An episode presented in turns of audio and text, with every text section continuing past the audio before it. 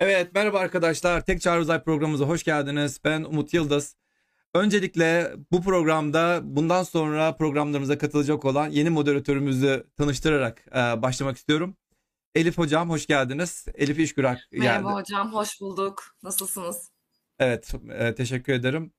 E, Elif Hocam'ı bir tanıyalım öncelikle o zaman. Hocam ben e, hem Rusya hem Kıbrıs'ta doktoramı tamamladım işletme üzerine ekonomi alanında. E, bunun yanında Türkiye Dolar Borsalar Birliği'ndeydim. KGF'de çalışıyordum. E, iş hayatımı da tabii geçen sene sonlandırmış olarak şu anki tek hedefim Kore'ye gitmek. E, üçüncü seviye Korecem var. Aynı zamanda Rusçam var, İngilizcem var. Ve e, şimdi işte Kore'ye gideceğim için buradaki iş hayatımı sonlandırdım. Sizinle beraber zaten e, daha öncesinde de programlar yapmıştık. Bununla da devam ediyoruz. Evet evet. Yani e, Elif Hoca'yla biz geçen sene Clubhouse ilk ortaya çıktığında yani saatlerce konuştuğumuz bir sürü program yaptık. İşte bilim programları yapmıştık. İşte başka türlü programlar yapmıştık. Ünlülerle beraber bayağı bir programlarımız falan olmuştu. Yani oralarda bayağıdır konuşuyorduk. Ondan dolayı e, bu yeni bir moderatöre yeni bir moderatöre ihtiyacımız olduğunda da Elif'e e, söyledim. El- Elif de sağ olsun e, geldi. Çok teşekkür ediyorum Elif'cim. Sağ olasın. ben size teşekkür ederim hocam. Evet Elif'i bu hafta yarısını görüyoruz bu arada. Hemen yorumlarda zaten geldi. Ya bu hafta hocam bir saniye bir saniye. Yayına başlamadan öncelikle hepinizden gerçekten çok özür diliyorum. Ee, kameramdan dolayı bilgisayarımdan dolayı benim kameram klavyemde ve klavyemde olduğu için görüyorsunuz ki el hizamda bir kameram var. Ee, çok ters açıya sahibim. o yüzden hepinizden yayının başında özür diliyorum. Yok yok o problem değil de biz şu anda e, tamamını görmediğimiz Elif'in e, haftaya ta- tümünü görmeyi düşünüyoruz. 100. yılda, Yüzüncü, haftaya 100. programımızda. Yani 100. Pardon. 100. programımızda görmeyi... Ya gerçekten bayağı yorum var. Elif hocamızın sol gözü nerede tam olarak? böyle e, böyle yorumlar gelmeye başladı. Tamam işte yani kısacası böyle bir durumumuz var. Evet e, ama e, haftaya tümünü göreceğiz Elif hocamızın. Evet. Merakla bekleyin. Ya şöyle söyleyeyim biz bir saattir bir saattir hazırlık falan yapıyoruz. Ya alışıyorsunuz. Ben alıştım siz de alışırsınız. Az sonra alışırsınız. Yani zaten hocam şu an benim yüzümden daha önemli şey yani Türkiye'de iki tane gezegen keşfedildi. Çok kıymetli, çok değerli hocalarımız var. Yani konumuz bence benim yüzümden gerçekten çok daha önemli. Haftaya 100. programımızda yani yüzümün tamamını hepiniz göreceksiniz. Evet. Hocam e, o zaman e, hocalarımızı da tanıyalım. Hocalarımız e, Ankara Üniversitesi Astronomi ve Uzay Bilimleri bölümünden Ekrem Murat Esmer e, doktorasının son aşamalarında artık bitmek üzere. Özgür Hocam da aslında benim sınıf arkadaşım ama e, şu anda e, Ankara Üniversitesi'nde aması yok ya. Niye ama koydum ki? benim sınıf arkadaşım ama ben hala bir hala ne doçent olabildim ne bir şey olabildim. bir şey olamadığım için herhalde ama dedim. E, doçent doktor Özgür Baştürk hocamız da Ankara Üniversitesi Astronomi Uzay Bilimleri'nde e, şu anda e, çalışmalarına devam ediyor. Bu e, öte gezegen çalışmalarında işte bu keşiflerinde de e, yer alan hocalarımızdan bir tanesi. Zaten e, Ekrem Hoca'nın da aynı zamanda danışmanlarından bir tanesi herhalde. Öyle değil mi? Bu o zaman e, sizleri de bir kısaca tanıyalım. E, Hangimiz başlayalım? Buyurun Ekrem hocam sizden başlayalım. Ekrem senle başlayalım. Tekrar merhabalar. Beşli yapan olarak evet. Ee, ben de Ankara Üniversitesi Astronomi Uzay Bilimleri bölümünde. Ben 2006'dan itibaren bölümdeyim. Artık e, doktorumun son aşamalarına geldim. Doktora çalışmamın e, bir kısmı e, çift yıldızlardaki öte gezegenlerin keşifleri ve yörüngelerin kararlılıklarıydı. Bununla ilgili bazı e, farklı e, hedef cisimlerle ilgili çalışmalar yaptık. Bu e, hafta bu e, konu da yani Kepler 451'de bu cisimlerden bir tanesiydi. E, aynı zamanda e, Ankara Üniversitesi'nde araştırma görevlisi olarak da çalışıyorum. E, umarım bundan sonraki akademik kariyerimde de e, hocalarım gibi e, önce ünvanımı alıp ardından güzel bir e, kariyer e, yaşarım diye düşünüyorum. Umarız. Tebrik ederiz bu arada. Evet Özgür Hocam. Teşekkür ederim. Evet. Ben e, 2006'da Ekrem geldiğinde ben de mezun olmuştum ve işte şeylerime e, doktoramdaydım. E, ve e, 2012'de aldım doktoramı. E, bir kısmını European Southern Observatory'nin Avrupa Güney Gözlemevi'nin e, Münih'teki headquarter'ında e, ana e, merkezinde yaptım. E, Doktor Thomas Dahl ve e, Profesör Selim Osman Selam'ın danışmanlığında yaptım ve e, öte gezegenler konusunda çalıştım. E, dikine hız yöntemiyle öte gezegen keşfindeki zorluklar konusunda çalıştım. E, biraz daha spesifik olmak gerekirse. E, dolayısıyla aslında çok da tesadüf değil. Yani ikimiz de e, Ekrem'de ben de öte gezegen geçmişinden geliyoruz. Çift yıldızlar konusunda da çalışıyoruz. Hı hı. E, zaten hani Umut da biliyordur. E, çift yıldızlar bizim rasathanenin olsun, Ankara Üniversitesi Uzay e, Bilimleri, Astronomi Uzay Bilimleri bölümünün olsun. ikisinin de geleneksel olarak e, takip ettiği, aktif olduğu araş, bir araştırma alanı. Biz de o e, gelenekten geliyoruz. Şimdi e, şöyle bir durum var. Biz birkaç geçen seneydi ya geçen programda. Yo pardon. Doğru bu sezonda oldu ya. Tansu Daylan'la da program yapmıştık. Orada da öte gezegenlerin JWST ile nasıl gözlemleneceğinden bahsetmiştik. Tansu'nun programında şimdi Tansu aynı zamanda testte de e, görev yaptığı için test uydusuyla birçok gezegen, öte gezegen keşfediyor. Şimdi ke- evet. o yani sayı bakımından bir sürü gez- öte gezegen keşfediyorlar hı hı. ama bunların teker teker gözlenmesi gerekiyor. Teker teker gözlenip ondan sonra bir e, teyit hal, teyit edilmesi gerekiyor. İşte bunları da hı hı. sonuçta e, böyle üniversitelerdeki hocalar e, teker teker o, o yıldızları alıyorlar, o öte gezegenleri alıyorlar, gözlemeye başlıyorlar. Sizin durumunuz böyle bir şey herhalde değil mi hocam? Siz de yapın. Ee, bana soruyorsanız. Hı hı. Ee, evet, e, yani Şöyle, daha önceden keşfedilmiş e, sistemler kadar e, keşf, iç, içinde keşfedin, keşif yapılmamış sistemlere de bakıyorduk. Yani Tansu ile bu arada biz de birlikte çalışıyoruz. Yani bir dönem e, işte HAT-P19 üzerinde çalıştık. E, daha sonra Tansu'nun keşfinin e, makalesinde ben de vardım, test keşfinin makalesinde. Hı hı, e, dolayısıyla aslında yakından test e, şeyiyle, test grubuyla iletişimimiz de oldu. Hatta e, Nu, Nu 2 Lupi e, HT 136 352 deyince hatırlayacak şimdi Ekrem. E, onun e, şeyinde de e, ikine hızla keşfedilen bir ge, e, gezegenin e, geçişle onaylanmasında da birlikte çalıştık ve test grubuyla da birlikte çalıştık. Dolayısıyla evet yani e, daha önce keşfedilmişler kadar biz de keşfetmeyi e, hedefleyerek bu tür sistemlere bakıyoruz. Evet. Şimdi şeyler Yetmiyor mu peki bu TES'in ya da örneğin Kepler'in yaptığı gözlemler o zaman yetmiyor muydu da siz e, illa teyit etme ihtiyacı hissediyorsunuz? Bunun olayı nedir? Ekrem sen açmak ister misin biraz? Tabii şimdi e, Kepler de, tabii Kepler e, ilk görevinde 3-3,5 yıl kadar e, aralıksız olarak aynı bölgeyi, gökyüzündeki aynı bölgeyi yaklaşık olarak Kuğu takım yıldızına denk geliyor e, burayı gözledi. Burayı gözlerken tabii e, keşfettiği gezegenlerin çoğu öncelikle transit gösteren yani geçiş gösteren gezegenler. Dünyadan bakıldığında kendi yıldızlarının önünden geçtikleri için buraya gelen ışıkta e, bazı düşmeler oluyor. Burada aralıksız gözlem yaptığı için 3-4 yıllık kadar bir sürede e, yörünge dönemi 3-4 yıldan daha kısa olanları bunların bir kısmının yörünge dönemleri gayet kısa oluyor aslında e, bunları tespit etmiş oldu. Ama sonra tabii ki görevi bitti. E, gezegenler transitlerine devam ediyorlar bu sırada. Kepler'i beklemediler transit göstermek için. E, testte de aynı şey oldu. Tabii test teleskobu Kepler gibi sürekli olarak aynı bölgeye bakmıyor. Gökyüzünde gökyüzünün tamamını taramaya çalışıyor. E, dolayısıyla işte yaklaşık bir aylık bir dönem boyunca gökyüzündeki bir parçayı tarıyor. Sonra bir sonraki parçaya geçiyor. Bu sırada e, örneğin bir ya da iki transit yakalama ihtimali ama bu onaylanabilmesi için illa gözlemler gerekiyor ki sadece transit anlamında söylüyorum. E, yeni transitler gözlenmesi gerekiyor ki e, o değişimin bir transit yani bir gezegenden kaynaklanıp kaynaklanmadığı tespit edebilirsin. Bunun dışında sadece transitle gözlemiş olmakta e, e, bir keşfin, onaylanmış bir keşif olması için yeterli olmuyor. Bir de başka tür bir hmm. gözlemle, dikine hız denilen bir gözlemle de onaylanması gerekiyor. E, dikine hız dediğimiz şey iki cisim e, hareket ederken, yörünge hareketi yaparken eğer yörüngeleri müsaitse çembersel diyelim bir yörüngede dolanıyorlar. Dünyaya yaklaşıyorlar ve uzaklaşıyorlar ve bu esnada bize gelen ışıklarının renkleri bir miktar değişiyor. Bu gözümüzde algılayabileceğimiz bir değişiklik değil.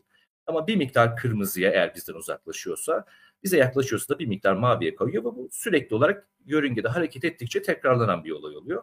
Bu tarz gözlemlerin yapılması gerekiyor çünkü bu transitten bağımsız bir yöntem. Bu iki yöntemle birleştirildiği zaman bu bir keşif oluyor. Dolayısıyla yer tabanlı gözlemler küçük teleskoplardan da olabilir, büyük teleskoplardan da olabilir. Her zaman ihtiyaç olan bir şey. Bunun dışında da e, tabii ki sadece Kepler ve TESS değil, sade, tamamen yer tabanlı gözlemlere dayanan keşifler de var. Dolayısıyla uzayda olmak, sürekli gözlem yapıyor olmak, e, atmosferin etkisinden arındırılmış gözlem yapıyor olmak son derece avantajlı ama gezegen keşfinin tabii ki farklı e, aletler kullanılarak da yapılabilir. Bu tür transit yaptığında bu tür tra- transiti yapıyorsunuz. Yaptıktan sonra yetmiyor diyorsunuz. Bu dikine Evet, hız gerekiyor. Az, a- Yani dikine hız gerekiyor yani. İlla ki Şöyle başka az türlü de önce bir teyitler tane gerekiyor. hı. görsel göstermiştiniz. Orada yıldızın önünden e, gezegen geçiyorsa ışık eğrisi nasıl olurdu? Altta vardı. Şimdi bu şu demek. Bir yıldızı izliyorsunuz. e, Bunun parlaklığını zamana karşılık ölçüyorsunuz ve burada uzun bir süre bir değişim olmuyor. Sonra bir azalıyor ve artıyor. Acaba bunun sebebi ne? Hı hı, hı hı. E, tek bir defa gözleminiz burada yeterli olmayabiliyor. Çünkü buna benzer e, şu an e, animasyonda olan e, gök cisimleri de var. Çift yıldızlar olabiliyorlar örneğin. Birbirlerinin önünden geçtikleri zaman çift yıldızlar. Burada da bir ışık düşmesi oluyor. Peki şu soru sorulduğunda ne yapacağız? Bu gözlediğimiz bir çift yıldızın birbirinin önünden geçmesi miydi? Yoksa bu bir gezegen miydi? Ha evet. Aynen öyle. İşte bunu cevaplayabilmek için başka bir yöntemle, az önce bahsettiğim örneğin dikine hız yöntemiyle onaylama işlemini yapıyorsunuz ve buradan elde ettiğiniz sonuçla bu e, ışık değişimine sebep olan cismin bir gezegen olup olmadığının cevabını verebiliyorsunuz. E zaten mantık olarak ikisinden de ışık geliyorsa ayırt edemiyor musunuz peki? Çift yani yıldızda mı? çift yıldızda yani ışığın düşmesinden öte yani bak örneğin şurada şurada örneğin ışık neden düşüyor? Normalde yükselmesi gerekmez miydi? Yani örneğin arkasına geçtiğinde hadi anlarım da yani tek tek şekilde şey yapar Evet. da örneğin üst üste geldiğinde iki tane ışık kaynağı üst üste bindiğinde daha da ışığın artması gerekmez miydi? Ee, şöyle aslında e, iki türlü de o birinci örtme de yani daha derin olarak görünen de daha sığ olarak görünen de de aslında arkada bize göre uzakta bir yıldız kalıyor ve onun bir kısmı örtülüyor. Dolayısıyla toplam gelen e, ışığın miktarı azalmış oluyor. İkisi de tabii ki parlak cisimler kendi ışıkları üretiyorlar. Biz e, bu tarz bir şeyi algılamaya çalıştığımızda birbirine yakın ışık iki ışıktan ya bunu hayal etmeye çalışırsak sanki ışıkları güçlenecekmiş, artacakmış gibi hissediyoruz. Ee, böyle olmuyor ama çünkü yıldızların birinin yüzeyi örtülüyor. Oradan bize artık ışık gelmiyor. Bir kısmını kapatıyoruz. Bu kapatan cisim bir ışık kaynağı olabilir ki aslında hepsi birer ışık kaynağı. Ama yıldız olduğunda gözümüzün gördüğü ışık e, yayabilen bir cisim olabilir. Olmaya da bilir. Yani bir gezegen de olabilir. Gezegenler gözümüzün gördüğü ışığın çoğu yaymıyorlar. Dolayısıyla e, karanlık bir cisim olarak düşünebiliriz. Her türlü arka planda bir şey kalıyor. Dolayısıyla bir miktar ışık azalıyor. Ama o animasyonda e, yıldızlar hareket ederken arkada da bir grafik vardı. O grafikte biri derin, biri daha sığ iki tane e, tutulma gerçekleşiyor. O sığ tutulmada örtülen cisim soğuk olduğu için ışık kaybı daha düşük oluyor. Eğer parlak ve e, sıcak olabilir, parlak bir cismi örterseniz ışık kaybınız yüksek oluyor. Dolayısıyla farklı derinliklere sahip ışık eğrileri elde edebiliyorsunuz burada. Burada gezegenler anlamında bu bir çift yıldız örneği şu an animasyondaki. Bunun bir gezegen olup olmadığının cevabını vermek için dediğim gibi e, farklı onaylama e, yöntemlerini kullanmak gerekiyor. Özgür hocam bu dikine hız e, meselesini aslında siz şey yapacaktınız orada bir slide vardı zannedersem onu bir anlatabilir misiniz o Hmm. zaman dikine hız? Biraz açmaya çalışayım evet. Şimdi e, dikine hız kri- kritik bir şey aslında. E, niye? Çünkü hem bir gezegen keşfetme tekniği hem de bir gezegen onaylama tekniği. Şimdi biz hep diyoruz ya gezegenler yıldızın etrafında dolanıyor. Dünya bir gezegen güneşin etrafında dolanıyor. Değil mi? Evet. Basit. Ama aslında bir basitleştirme yapıyoruz. Gezegenler yıldızların etrafında dolanmıyorlar. Gezegenle yıldız ortak kütle merkezi etrafında Ha, mantık olarak tabii. Yani yıldız da hareket ediyor. Değil mi? Yani yıldızın da bir hareketi var ortak kütle merkezi etrafında. Çünkü gezegenin de bir kütlesi var onu hareket ettiren. Küçük ama hareket ettiriyor sonuçta. Şimdi bu hareket sırasında yıldız bize yaklaşıyor. Hı hı.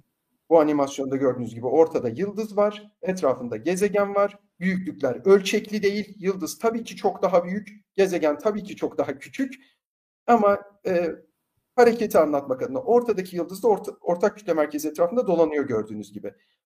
Bizden uzaklaşırken yıldızın ışığı ta, işte e, yıldızın tayfındaki diyelim e, ışığını e, dalga boylarına aşına yani e, gök kuşağını oluşturduğunuzda nasıl güneşimizin gök kuşağı oluşuyor değil mi kırıldığında ışığı işte benzer e, ama daha ileri tekniklerle yıldızların ışığını da renklerini açtığımızda gök kuşağını açtığımızda o gök kuşağı yıldız bize yaklaşırken bu hareket sırasında olduğu gibi maviye kayıyor uzaklaşırken de olduğu gibi kırmızıya kayıyor. Bu hareket düzenli ise, periyodikse diyoruz ki bu hareketin hem de Kepler yasalarının öngördüğü kadar düzenli, periyodik olabilmesi için bunun etrafında bir cismin dolanıyor olması lazım. Hareketin büyüklüğüne, yıldızın kendi kütlesine bakarak etrafında dolaşan cisim konusunda bir kestirimde bulunuyoruz. Yalnız şunu bilmiyoruz. Yıldız bize yaklaşıyor, uzaklaşıyor ama yörüngesine yandan mı bakıyoruz Evet. yoksa bir açıyla mı bakıyoruz? Yani yıldız şöyle mi dolanıyor ve bu hareketi sırasında bize yaklaşıyor yoksa şöyle mi dolanıyor? Bunu bilemiyoruz. Şimdi söz konusu olan bir sistemde bir gezegen varsa gezegen yıldızın önünden geçiyorsa bu sefer emin oluyoruz. Diyoruz ki tamam gezegen yıldızın önünden geçtiğine göre biz yörüngeye yandan bakıyoruz. Yoksa gezegen nasıl geçecek yıldızın önünden değil mi? Gezegen küçücük bir şey. Yıldızın önünde biraz da uzak. Yıldıza biraz da uzak. Onun önünden geçmesi için e, yörüngeye gerçekten yandan bakmamız lazım. Şimdi bu iki bilgi birleştiği zaman e, yıldızın etrafındaki cismin kütlesini kesinleştiriyoruz ve gezegen olmuş oluyor. İki yönde de gidiliyor. İki yönde de gidiliyor. Mesut Hoca'nın e, keşfettiği e, ilk e, gezegen, e, Türk Türkiye'nin gözlem olanaklarıyla Evet değil mi? Aslında bu gezegen. ikinci oluyor yani Ankara evet. Üniversitesi'nden hatta Türkiye'den mi oluyor Doğru, Ankara Üniversitesi'nden mi? Türkiye'de de öyle. Türkiye'de, Türkiye'de de öyle yani. Oluyor. İkinci öte evet, gezegen Türkiye'de de öyle. oldu. E, Mesut Hoca'nın e, doktora projesiydi bu. E, 2017'de keşfini duyurdu. E, uzun süreli gözlemler, yaklaşık 10 yıllık gözlemler sonunda. E, bu anlattığım yöntemle yapılmış bir keşifti bu. E, ve e, işte Rus Türk teleskobunu kullandılar. E, RTT 150 e, TÜBİTAK Ulusal Gözlem Evi'ndeki teleskoptu. Ve bu yöntemle cismi keşfettiler. Bunun tersini biz yakın zamanda New 2 Lupi için yaptık. E, benim e, doktor öğrencim Selçuk bizim grubumuzda çalışma arkadaşımız. E, bir, bir gün dedim ki ona bu yöntemle keşfedilmiş, dikine hız yöntemiyle keşfedilmiş gezegenlerin gir bak bakalım e, testte, e, Kepler'de vesairede e, geçişleri gözlenmiş mi hiç? Hmm. TES'e baktık tabii yeni çıkıyordu veriler. TES'in verisi, TES uzay teleskobunun verisi kısa bir süre sonra herkesin kullanımına açılıyor. O da gitti baktı ve gerçekten yörüngenin e, ya yörüngeye yandan baktığımız kesin olan bir sistem bulduk New 2 Lupi. Daha önceden etrafında üç gezegen Dikinaz yöntemiyle bulunmuştu. Biz bunun iki tanesinin geçiş yaptığını orada yakaladık ve ondan sonra kütlelerini kesinleştirdik. Ee, geçiş yönteminde bir şey daha öğreniyoruz. Ee, Ekrem söyledi ya yani bir, yıldızın bir kısmı kapatılıyor e, şey yaparken e, gezegen yıldızın önünden geçerken e, yıldızın bir kısmı kapatılıyor. E, yıldızın ne kadar kapatıldığını, ne kadar kısmının kapatıldığını öndeki cismin büyüklüğü belirliyor. Buradan da gezegenin yarıçapın, büyüklüğünü, ne kadarlık alanı olduğunu öğreniyoruz. Dolayısıyla dikine hız bize kütleyi veriyor. Kütle konusunda bir fikir veriyor. Geçişle birleştirdiğimiz zaman kütleyi ve yarıçapı elde etmiş oluyoruz. Gezegenin yoğunluğunu da öğreniyoruz ve gezegen doğasını da kesinleştirmiş oluyoruz. Bittiyse Özgür Hocam ben e, şunu sormak istiyorum. E, galaksimizde çift yıldızlar çok fazla var mı, bulunuyor mu? Öncelikle onu sormak istiyorum. Hı hı. Arkasından öbür sorumu da sorayım mı? Tamam.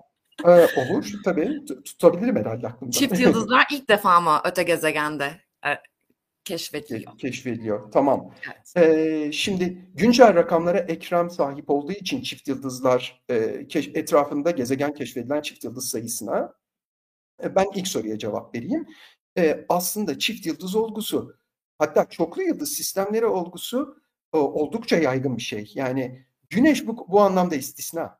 Yani Güneş Tek tek, olarak- bir yıldız. tek olarak bizim istisna sistemimizde aslında, tek bir yıldız. Ha, tek, tek olarak istisna. Yani yıldızların büyük çoğunluğu çoklu sistemdeler. Sistemlerdeler. Yani çift yıldızlar çoğunlukta aslında. Neredeyse yıldızların yüzde yetmişi işte e, çoklu yıldız sistemlerinde yer alıyorlar. Bu anlamda bir istisna Güneş. E, etrafında bulunan gezegenler konusundaki istatistiki bilgiyi de isterseniz ekran versin. Şimdi Hatta çift ben de yıldızlar hemen. Ha, evet teşekkürler. E, e, bu bir katalog. E, çift yıldızlarda ve çoklu yıldız sistemlerinde bulunan gezegenlerin sayısı en son e, şey Temmuz ayında güncellenmiş olmakla birlikte mertebe bu, bu civarda. E, çift yıldızlarda bulunan gezegenlerin sayısı e, 200'ler civarında. E, ama Özgür Hocam'ın da söylediği gibi galaksideki yıldızların çoğu çoklu sistem, çift yıldızlar ve çoklu sistemlerde bulunuyor. E buna rağmen e, bugüne kadar işte 5000'e yakın gezegen keşfedildi. Halbuki keşfettiğimiz gezegen yani insanlık olarak keşfettiğimiz gezegenlerin sadece 200 kadarı çift yıldızlarda. Bu yaptığımız çalışmanın aslında önemlerinden bir tanesi de bu. E, gezegenler çift yıldızlarda ne mertebede oluşabiliyorlar, kaç sayı e, ne kadar oluşabiliyorlar, ne sıklıkla oluşabiliyorlar. Bunun önünde çift yıldızların oluşum süreçleriyle ilgili engeller var mı? E, gibi sorular var. Bunu cevaplandırabilmek için e, çift yıldızlarda gezegenler keşfetmeniz gerekiyor. Bunun tabii ki farklı yöntemleri var. Bizim kullandığımız yöntem gibi.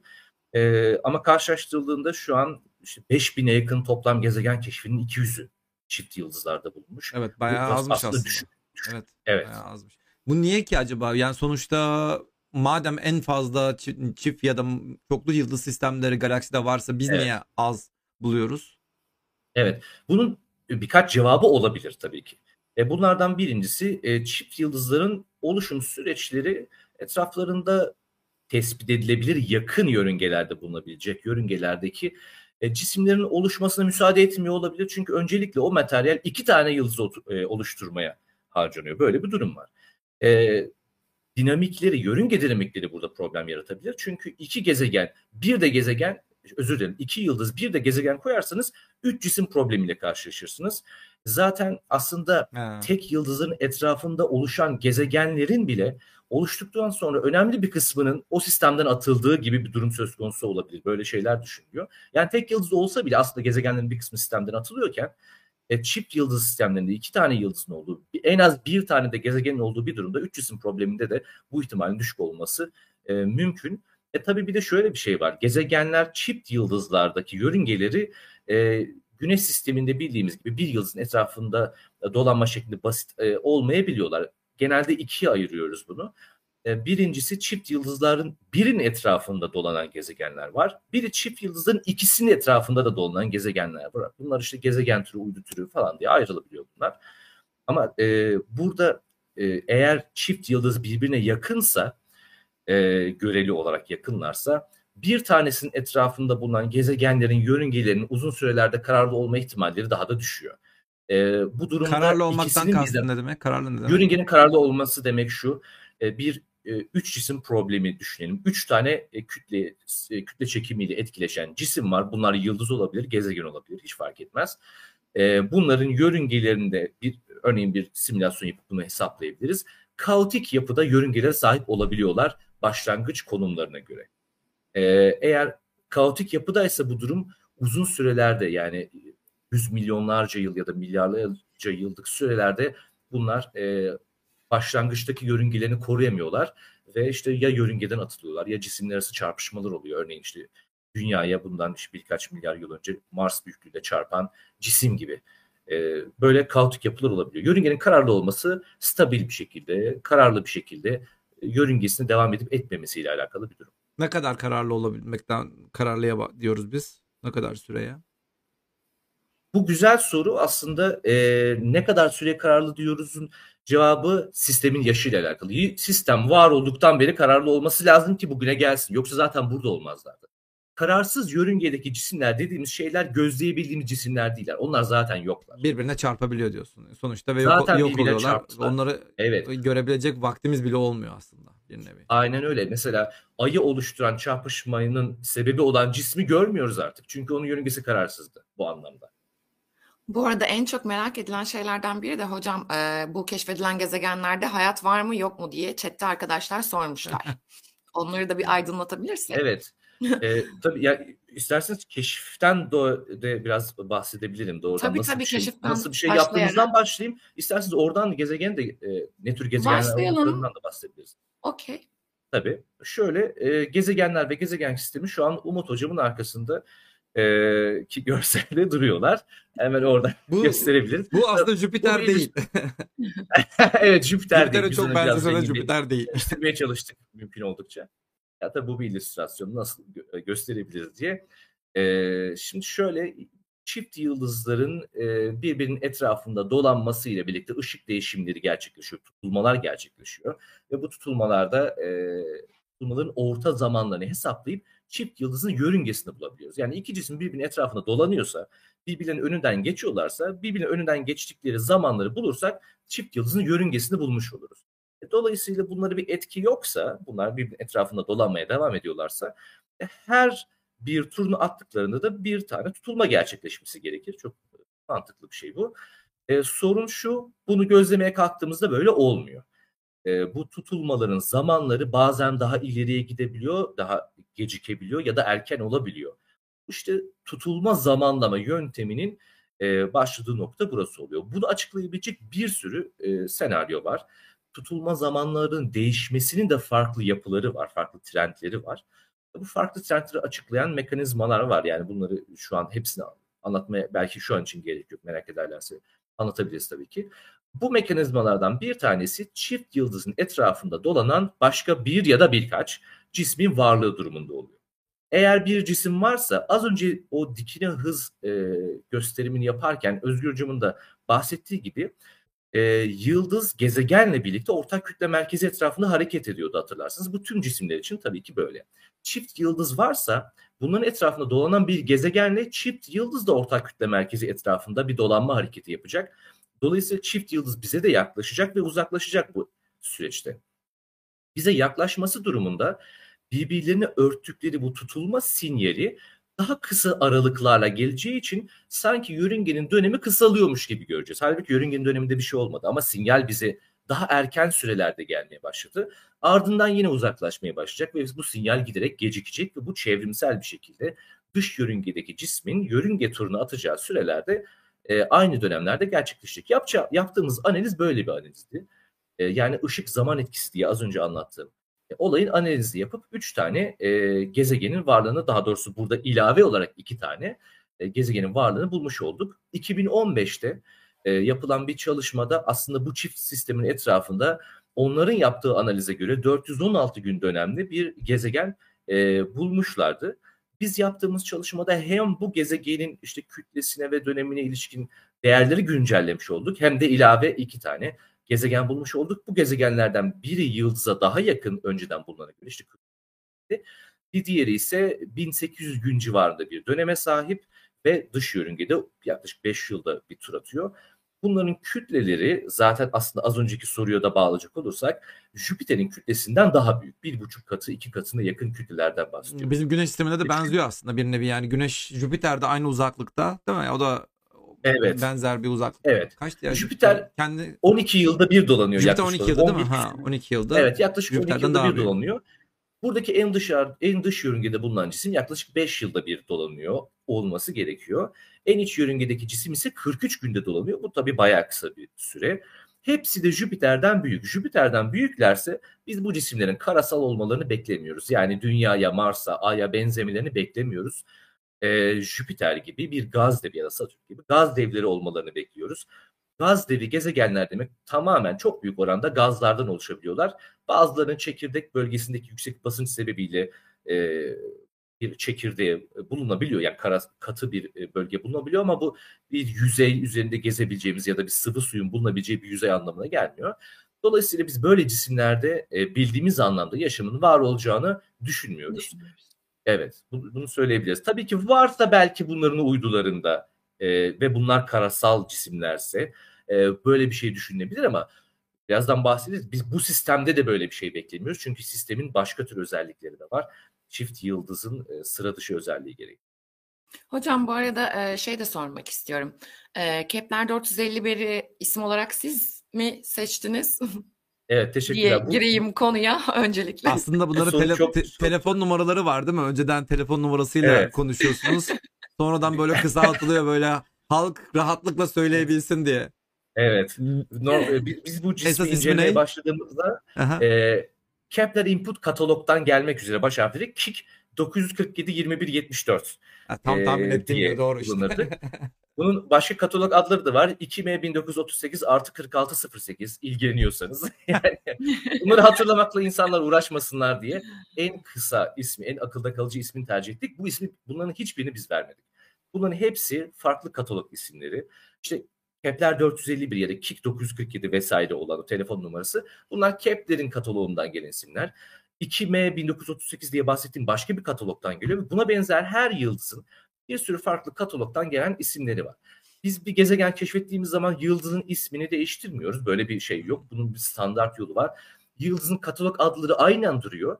Biz Kepler 451c ve Kepler 451d dedik bunları ama e, diğer katalog adlarını da kullansak yine aynı şey oluyor. KIK 947 21 74 C ve D şeklinde söylüyoruz. Dolayısıyla aslında biz bizim verdiğimiz isim C ve D harfleri. Başka bir şey değil bu anlamda.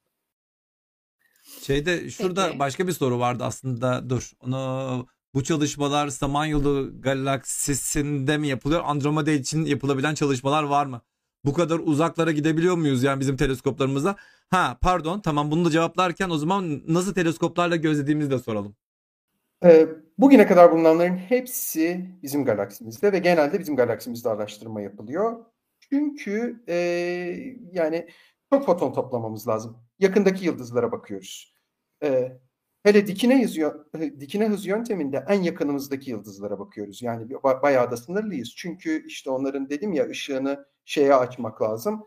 E, gökkuşağına açmak lazım. O gökkuşağını açma işlemi için çok foton almamız lazım. Çünkü zaten ışığı yayıyoruz bir de e, dağıtıyoruz yani. Her bir dalga boyuna giden foton sayısı iyice az oluyor. Dolayısıyla çok foton toplamak, çok foton toplamak ne demek? E, büyük bir kova koymak demek. Yağmur gibi düşünün. Yani yıldızların yıldızdan gelen fotonlar yağmur damlaları gibi yağıyorlar. A- aşağıya ne kadar büyük bir kova koyarsanız o kadar çok yağmur damlası toplarsınız. O yüzden büyük teleskoplar tabii geneli itibariyle kullanılıyor.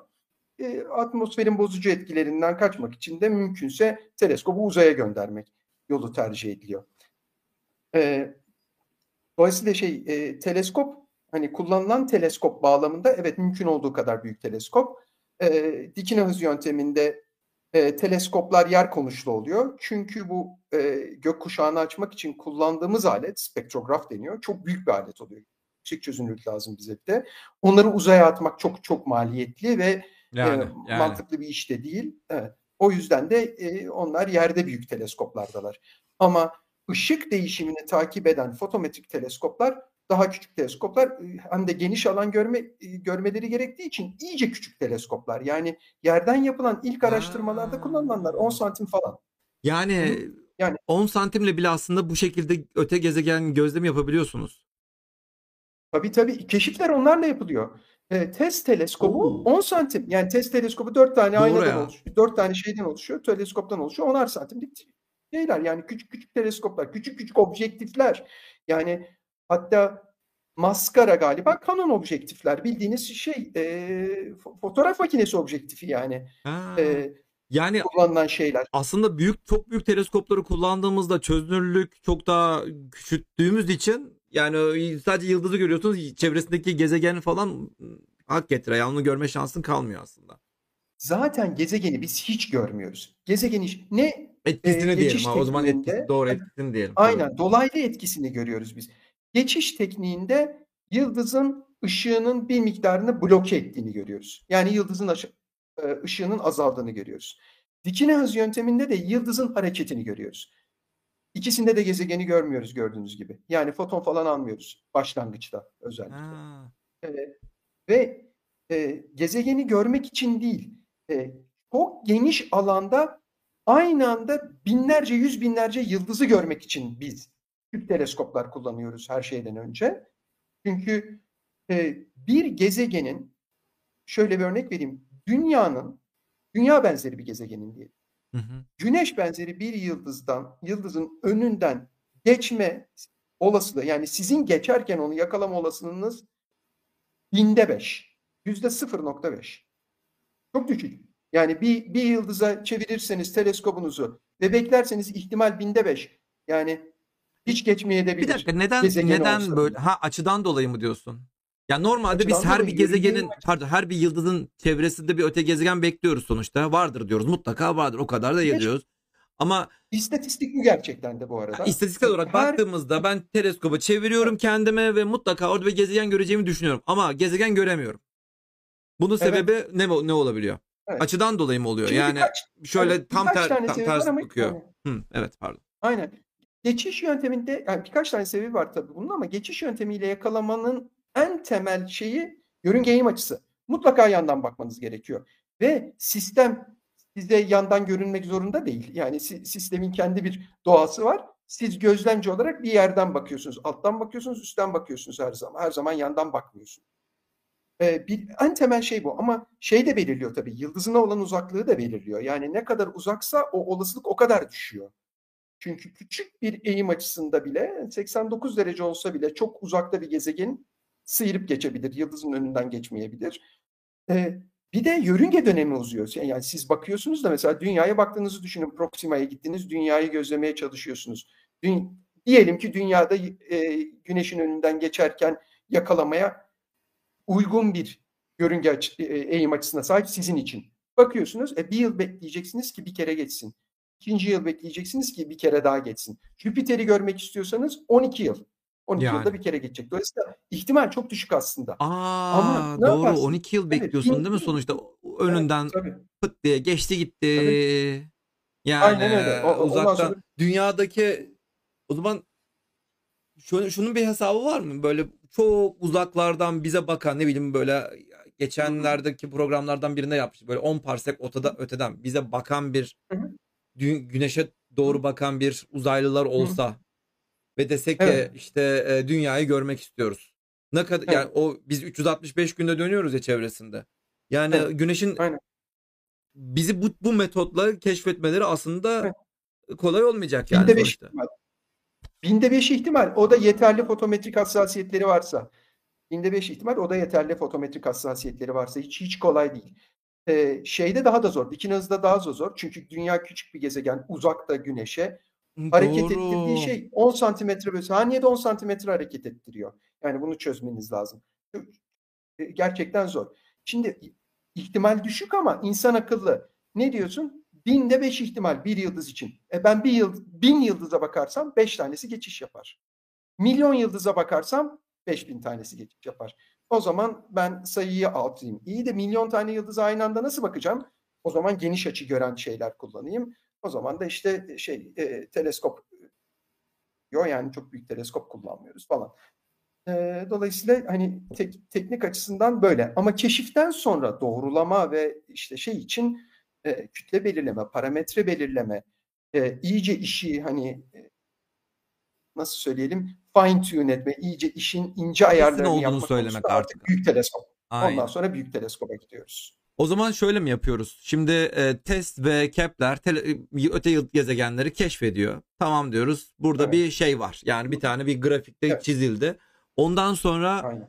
dünyadaki astronomlar bakıyorlar. Şu koordinatlarda bir tane öte gezegen var. Biz buna bir bakalım diyorlar. Gerçekten öte gezegenmiş mi Evet. diye teyit edelim diyorlar. Aynen. Test de Kepler de bunu kesinlikle söylüyor da söyleyemiyor. Yani çoğu şeyi de söyleyemiyor. Bir sürü Evet. e, aynen. teyit edilmemiş böyle öte gezegen var. Sizin gibi insanlar bunları alıyorlar ve e, özellikle günlerini harcıyorlar, gecelerini harcıyorlar ve Evet. tamam diyorlar gerçekten bu burada gezegen varmış diyorlar. Ondan sonra siz de teyit ettikten sonra artık şeyde e, kütlesini hesap ediyorsunuz, büyüklüğünü hesap ediyorsunuz, yıldızına yakınlığını hesap ediyorsunuz, her şeyinizi daha iyi hesap ediyorsunuz. Ondan sonra Evet. bayrak yarışı büyük teleskoplara geçiyor. Bunlar da Aslında atmosfer vesaire gözlemleri yapıyorlar. Evet buyur. Aa evet, evet. Aynen öyle. Sonra da karakterizasyon başlıyor. Sonra da karakterizasyon Ondan başlıyor. sonra Atmosfer da dünyaya benzer bir şeyse yaşam var mı yok mu ya da su var mı? Su olan Evet. bölgenin içerisinde mi değil mi? Bunları Aynen. anlayabiliyoruz. Sonradan hop Aynen. bir bakmışsınız. Tabii bunlar yıllar sürüyor Evet. değil mi? Yani bu ilk başta Tabii, tabii. aldığın veriden Tabii. sonra yıllar sürmüş oluyor. Tabii. Kesinlikle öyle. Kesinlikle öyle. Çok uzun zaman alıyor. Yani e, hem TES'in hem Kepler'in yerde e, geniş bir takip ağları var. Biz de bu ağların üyesiyiz. E, Türkiye'deki teleskoplar da TES'in, Kepler'in takip gözlemlerini yapıyorlar. İşte TÜBİTAK Ulusal Gözlem Evi'nde, Ankara Üniversitesi Rasathanesi'nde, çeşitli yerlerde, şeyde, Çukurova'da, Erzurum'da, çeşitli yerlerde e, gözlemleri yapılıyor. Herkes bildiriyor gözlemlerini e, ve e, işte gezegenin niteliği saptanıyor vesaire. Sonra e, işte öğrenilmek istenen bilgiye göre gezegenin bulunuş tekniğine vesaireye göre ondan sonra karakterizasyonuna geçiyoruz. Karakterizasyon ne demek? Ne yapmaya çalışıyoruz? Yani e, iyice nitelendiriyoruz gezegeni. Büyüklük, tap, kütle, e, yörünge parametreleri. Varsa sonra atmosferi. Şimdilik e, gaz, dev gaz gezegenlerin atmosferlerini çalışabiliyor insanlar. Öncelikle yerden çalışılıyordu. Hala yerden çalışmalar devam ediyor bu arada. Ama uzaydan çalışmalar arttı. İşte Hubble uzay teleskobu ile yapılıyordu. Şimdi James Webb uzay teleskobuyla da yapılma, yapılacak. Daha iyi standartlarda yapılacak. Ee, burada da buna da karakterizasyon diyoruz. Burada da hemen şöyle bir soru var zaten. Türkiye'de Hubble teleskobu tarzında bir teleskop var mı Sayın Hocam demişti. Aynı soruyu ben de soracaktım hocam. Yani şöyle Hubble uzay teleskobudan daha da büyüğü var artık Türkiye'de. Yani Hemen onun da teleskobu yorumunu göstereyim. DAG'da gözlemler başladı mı diye bir yorum var. Teleskop DAG'da ama e, gözlemlerin başlaması e, sanıyorum biraz zaman alacak tabii yerleştirilecek, kameralar bağlanacak vesaire. Sanıyorum ilk ışık bu yaz e, bu yaz alınacak. Şöyle yaklaşınca görünüyor. Cahit Hoca'yı çağırmak istiyorum da programımıza. Aa, evet. Yani az ne kadar kaldı bilmiyorum. Yani böyle açılışa yakın bir şekilde zamanda bir çağırayım. Hocaya o şekilde bir program yapmak isterim açıkçası. Henüz henüz ışık alınmadı bildiğim kadarıyla. Sen de öyle diyorsun. Evet. Evet. Yazın yazın ilk ışık bekleniyor ama bir süre test gözleme olacaktır. Bir süre test gözleme olacaktır. Ondan sonra Hmm. bilimsel gözlemler sonra başlayacaktır ve açılacaktır. Bunun tespit için yaklaşık olarak kaç yıl aynı noktaya gözlem yaptınız? Evet. Bunu Ekrem Yani alsın çünkü için, evet. baştan beri te- ta- takip ediyor. Şöyle Ömrüm geçti Ee, diyorsun. ah Bütün doktora hayatım. Şimdi ben de şunu söyleyeyim. Bizim bizim e, özellikle böyle doktora yaparken sana bir tane kaynak veriyorlar. Ondan sonra bu senin pet diyoruz biz böyle pet source diyoruz böyle sanki küçük e, kediniz köpeğiniz gibi bir şey olmuş oluyor. Onun hakkındaki her şeyi biliyorsunuz, öğreniyorsunuz. Her şeyi öğrenmiş oluyorsunuz. Bu şekilde pet yani yanımda gezdiriyorum. Az önce telefon numarasını hemen tıkır tıkır söylemesi Evet. gibi bir şey. evet. Bu aslında e, böyle pet sayılabilecek ikincisinde aslında benim ilk e, çalıştığım cisim HW Virginis Başak takım yıldızında bulunan HW kodlu bir yıldızdı. E, o yıldız da aslında o çift sistem bu tarz işte Kepler 451 gibi çift sistemlerin prototipi yani e, ilk olarak onda görüldü bu tarz e, şeyler, değişimler. Çift yıldız özellikleri anlamında. Şöyle e, şimdi birkaç farklı veri kullandık. Bunlardan birincisi Kepler Uzay Teleskobu'ndan gelen verilerdi. E, bir diğeri TESS Uzay Teleskobu'ndan gelen e, verilerdi. E, bunun dışında da hem e, TÜBİTAK'taki e, TÜBİ- TÜBİTAK Ulusal Gözlem Evi'ndeki T100 1 metre çaplı teleskobu kullandık. E, İstanbul Üniversitesi'nin Gözlem Evi'ndeki 60 santimetre çaplı T60 teleskobunu kullandık ve e, Ankara Üniversitesi Kraken Hastanesi'ndeki 80 santimetre bu yeni teleskobumuz. Bundan gelen verileri kullandık. Bunların tabii ki hepsini ortak amaçlarla da kullandık ama iş birkaç adımdan oluşuyor. E, bu burada gördüğünüz yer tabanlı bizim yaptığımız gözlemler temel olarak çift yıldızın fiziksel özelliklerini belirlenmesi ve aslında sentetik ışık eğrilerinin elde edilmesi. Yani çift yıldızın doğasını tespit edip sıcaklıklarını, boyutlarını, yörüngenin eğim açısı gibi özellikleri tespit edip ardından zamanlama analizi ve gezegen keşfine geçtik. Öncelikle bu çift yıldızın fiziksel özellik bulmak için burada gördüğünüz yer e, tabanlı gözlemleri ve yine Kepler ve TESS e, teleskoplarından gelen ışık ölçümsel e, fotometrik verileri kullandık.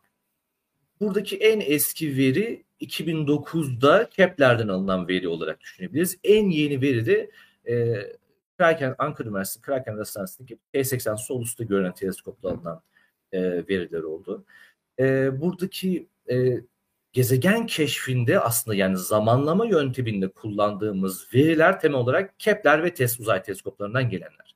Yani e, buradaki tabii T60'ı da yine zamanlama için kullanmış olduk ama yani özetle olay ikiye ayrılıyor. Öncelikle fiziksel özellikleri buluyoruz. Ardından bunları kullanarak e, tutulmaların zamanlarını hesaplıyoruz. Bu zamanlama hesaplamada farklı bir yöntem de denedik. E, dolayısıyla ışık eğrilerini modelleyip e, bu modelleri kullanarak zamanlama verisini elde ettik. E, ne kadar veri kullandık derseniz T80'den gelen T80, T100 ist toplam yaklaşık diyerini söyleyeceğim ezberimde değil ne yazık ki ama e, 30 gözlem civarında olması lazım. Bu 30 gece gibi bir şey ediyor ama bu yaklaşık diğer dediğim gibi ezberimde değil. Kepler teleskobundan gelen gözlem ya ölçümlerin sayısı 1,5 milyon civarında. E, gözlem, bir dakika anlamadım. 1,5 milyon olan ne? Veri noktası mı? Parlaklık ölçümü. Veri nokta sayısı. Aa. 1,5 milyon civarında. 1,5 milyondan fazla ama onu da tam. E, bir dakika. Bu ne kadar zamanda ne kadar zaman harcıyor örneğin bir Kepler ya da test bir, bu, bu tür gözlemler? Gözlemi yapmak için mi? Evet. Kepler 2009-2013 arasında bütün gözlemleri yaptı ve biz bütün veriyi kullandık. Yani 1,5 milyon ölçüm, 1,5 milyondan fazla ölçümün tamamını neredeyse kullandık. Burada tabii veri kalitesiyle bazı elemeler vesaire yaptık ama mertebe bu mertebede. Testten gelenler de birkaç 10 bin civarında ama onun tam sayısını hatırlamıyorum. Hmm. Yani bütün bu noktaların e, kullandığımız bir çözüm. Bu verileri kullandığımız e, bir analiz yapmış olduk burada. Bu arada hocam bu gezegenler iki öte gezegen bize ne kadar uzaklıkta? 1300 ışık yılı civarında 400 parsek gibi bir şey bu yaklaşık olarak. 1300 ışık yılı yani şu an gözlediğimizde biz bu çift yıldızı e, Göktürkler tarih sahnesine yeni çıkıyorlardı gibi bir şey yani. Aslında zaten e, az önce dediğimiz gibi yani bütün bütün gezegenler aslında keşfedilen bütün gezegenler zaten bize çok yakın gezegenler oluyor yani. Çok yakın öte gezegenler oluyor. Çok uzaklardaki yıldızlara zaten gidemeyiz. Öyle teleskoplar, evet. öyle şeyler nerede yani? Tamam. Evet hocam. Ama e, bu arada e, önce bir şeyden Andro, Andromeda'nın e, şeyi geçtiği için önce bir oradan alayım isterseniz. Çünkü ben onu unuttum söylemeyi. Asıl e, bana gelen soru oydu. Başka galaksilerde hiç önerilmedi de değil bu arada onu söylemeliyim. Geçiş yöntemiyle bir galaksi ekstra galaktik bizim yalnız dwarf galaksilerden biri galiba cüce galaksilerden birisi. Bize Andromeda hep en yakın galaksi falan diyoruz ama bu da bu, bu da biraz basitleştirme. Andromeda yakın, büyük bir büyük galaksi, galaksi olarak en yakın büyük galaksi. Çünkü cüce bizim uydu galaksilerimiz var bir kere. Onlardan birinin içerisinde e, geçiş yöntemiyle bir gezegen iddiası oldu ama yani biraz fazla iyimser bir iddia diyelim ve de desteklenmesi de zor bir iddia. Yani sadece bir geçiş sinyaline benzer bir şey gözlediler. E, çok çok da kolay değildi o. E, biraz hikayesini anlatmak da isterim ya şey e, ne kadar ne kadar zamandır gözlüyorsunuz deyince biz bu zamanlama yöntemiyle öte gezegen keşfi için e, 2018'de TÜBİTAK e, TÜBİTAK bir e, araştırma projesi teklifinde bulunduk. E, bir bin bir projesiydi ve TÜBİTAK da bunu destekledi. Ve 2018'den itibaren 2017'de biz aslında e, listeyi oluşturmaya başlamıştık. Etrafında gezegen bulunan, etrafında bu yöntemle gezegen bulunması kolay olan e, bir takım sistemleri zaten listemizde tutuyorduk. Yani sadece bulunmuşları değil, bulunabilecekleri de tutuyorduk. E, bu, bu tip sistemler aslında etrafında gezegen aramak için uygun sistemler. Belki biraz sonra da detaylandırırız ama Dolayısıyla bir listemiz vardı. Yani niye Kepler 451'e baktınız da başkasına bakmadınız da bu nereden çıktı? Yani sıra sıra tek tek yıldızlara bakıyor musunuz gibi sorular gelebilir insanların aklına. Öyle yapmadık. Yani bir e, bir listemiz vardı zaten. Kepler 451 B 2015'te keşfedilmişti. Bu e, sıcak bir yıldızla cüce kırmızı bir yıldızın e, etrafında e, gezegenler bulunuyordu zaten. E, bu arada bulan grup da yani çok yabancımız olan bir grup değil. E, Andra Baran e, benim e, yüksek lisans öğrencim Murat'ın e, yüksek lisans sırasındaki eş danışmanıydı. Yani birlikte yürüttük onun test çalışmasını. Murat Uzundağ şimdi Şili'de belki takip ediyordur. E, doktorasını yürütüyor. O da doktorasının son aşamasında. E, onların e, bu e, cismi bulurken kaçırdığı bir şeyi yakaladık aslında biz doğrusunu söylemek Aa. gerekirse. E, yani e, bu iki sinyali kaçırmışlar e, bizce. E, biraz biraz da böyle şey teknikler kullandık. Ekrem girmek istiyor. E, sadece küçük bir e, not. Aslında kaçırdıkları buradaki gezegenlerden biri, diğerini kaçırmaları Diğeri, doğru. E, Şöyle O şimdi da mümkün değil. 1800 gün çünkü. Evet onunki. 1800 gün. Onlar da bu arada bunu tahmin ettiler ama şöyle e, Kepler'in e, elde ettiği gözlemlerin zaman aralığı 1800 günden küçük tam şimdi e, hatırlamıyorum ama 1200-1300 gün civarında. Bu dönemin eğer çevrimsel yapısı varsa yani bir gezegense döneminin 1800 gün olacağını tahmin ettiler bu arada. Ama bununla, bundan başka bir şey söyleyemediler çünkü eldeki veri buna müsait değildi. Kaçırdıkları tam olarak kaçırdıkları ise aslında 43 gün dönemlilik oluyor. Çünkü bizim bu 43 günlük dönemde yörüngeyi e, tespit etmemiz için kullandığımız veri onların kullandığı veriyle aynı. E, yeni bir veri kullanmadık. Onu aldık e, ve e, belki biraz daha hassas, daha dikkatli diyelim. E, analiz ettikten sonra 43 günlülüğün de var olduğunu tespit ettik. E, 1800 günlük e, dönemin var olduğunu ve buradan gezegen olduğunu bulmamızı sağlayan şey hem öncelikli bizim gözlemlerimizde çünkü Özgür Hocam'ın dediği gibi e, o projeyle birlikte biz gözlemlerine başladık. Burada elde ettiğimiz zamanlar burada bir gezegen olması gerektiğini ipuçlarını veriyordu. Ama çok az nokta gözlem verisi olduğu için hassasiyet yeterli olmadığı için e, bir sonuca vardıracak durumda değildi. Biz hem gözlemlerin devam ederken TESS uzay teleskobu da bunu gözlemiş oldu. Bu gözlemlerin tamamıyla aslında o uzun dönemli değişimin bir gezegen olduğunu, yörünge döneminde bu mertebede olduğunu tespit etmiş olduk. Bizim projede sadece şeyler de yok. Yani burada biz hani T100'ü bir metrelik teleskobu Antalya Bakırlıtepe'deki TÜBİTAK teleskobunu, Ulusal Gözlem Evi'nin teleskobunu, e, bizim yeni e, Profesör Doktor Berattin Albayrak teleskobunu T80, 80 santimlik teleskobunu hocamızın e, adını verdiğimiz, e, onu da rahmetli analım burada.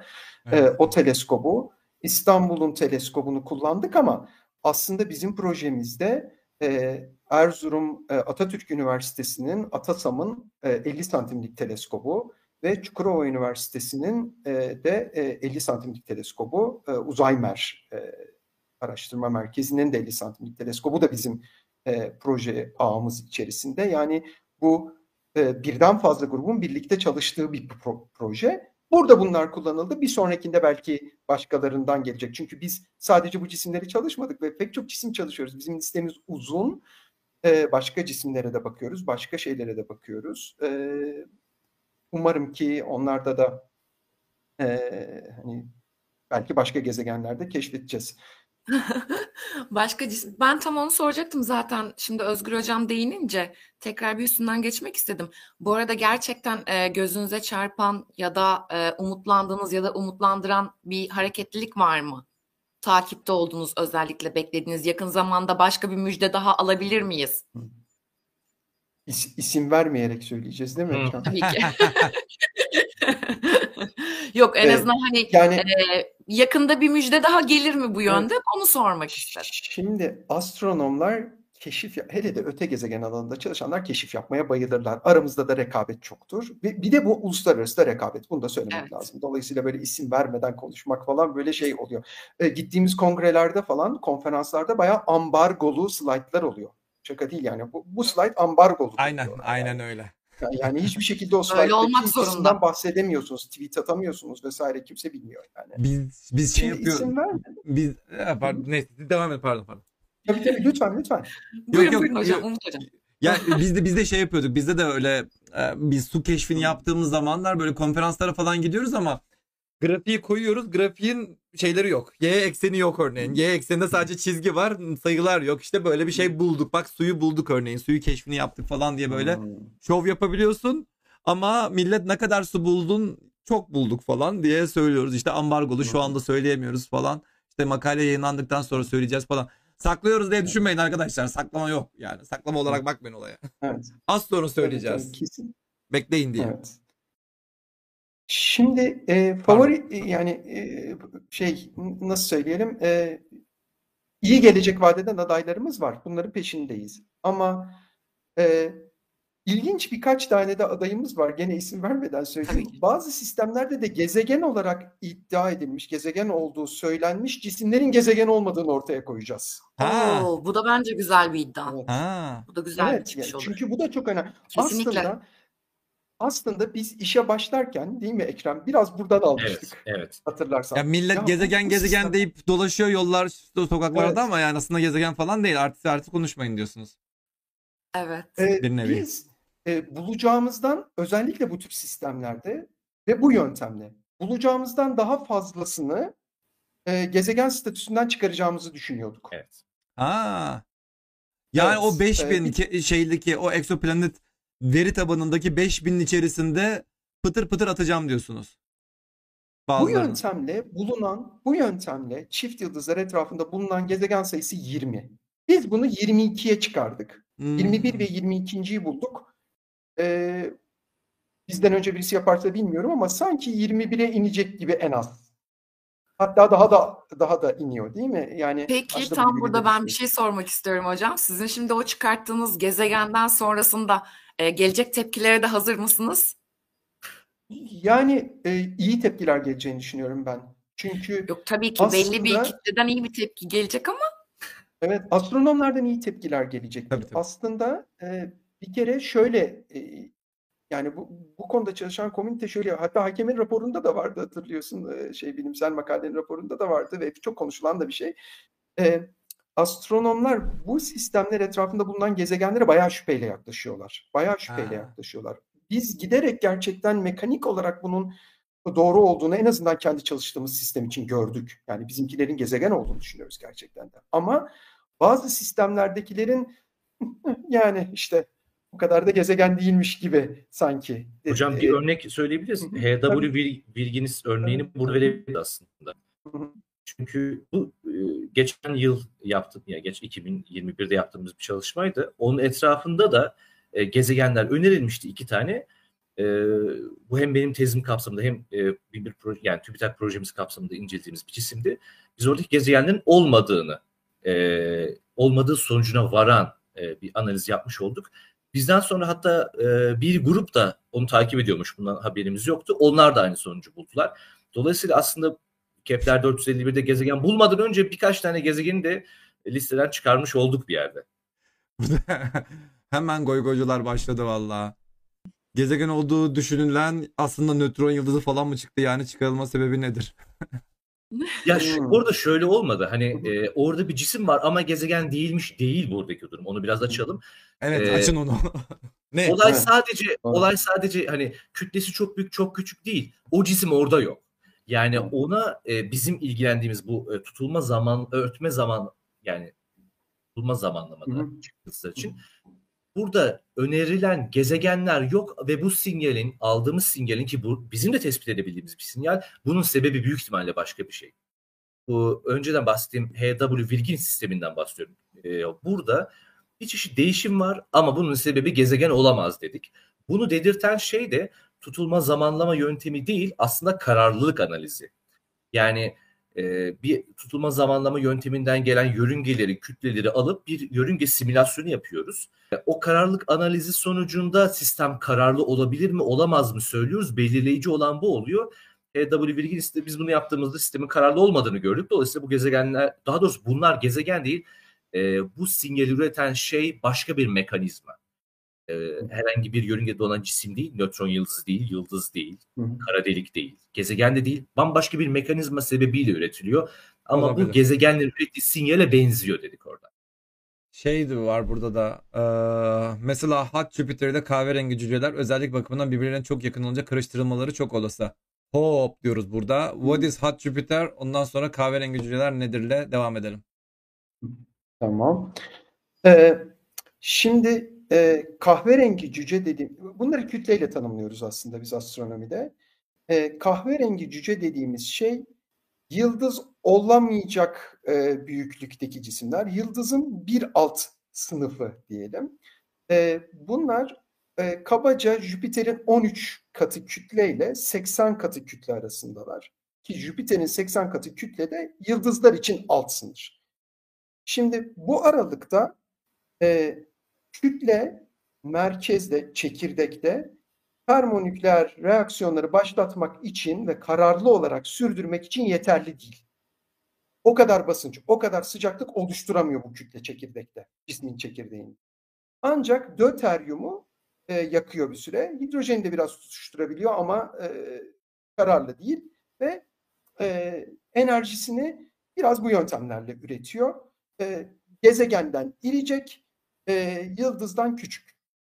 E, gezegenlerse 13M Jüpiter'in altındaki cisimler. Yani 3, 13 Jüpiter kütlesinden daha küçük cisimler. E, sıcak Jüpiterler bunlardan Jüpiter'e benzeyen yani Jüpiter kütlesi civarında ve daha büyük ama yıldızlarına yakın oldukları için, yıldızlarına yakın küçük yörünge dönemlerinde dolandıkları için çok sıcak olan, çünkü yıldızdan çok ışık geliyor, çok sıcaklık geliyor. O yüzden çok sıcak olan cisimlere deniyor. Şimdi bunlar birbirine karışır mı, karışmaz mı? Eğer elinizde dikine hız varsa geçişle birlikte hiçbir şekilde karışmaz. Net kütleyi çözüyoruz. Mutlak parametre olarak elde ediyoruz ve karıştırmıyoruz.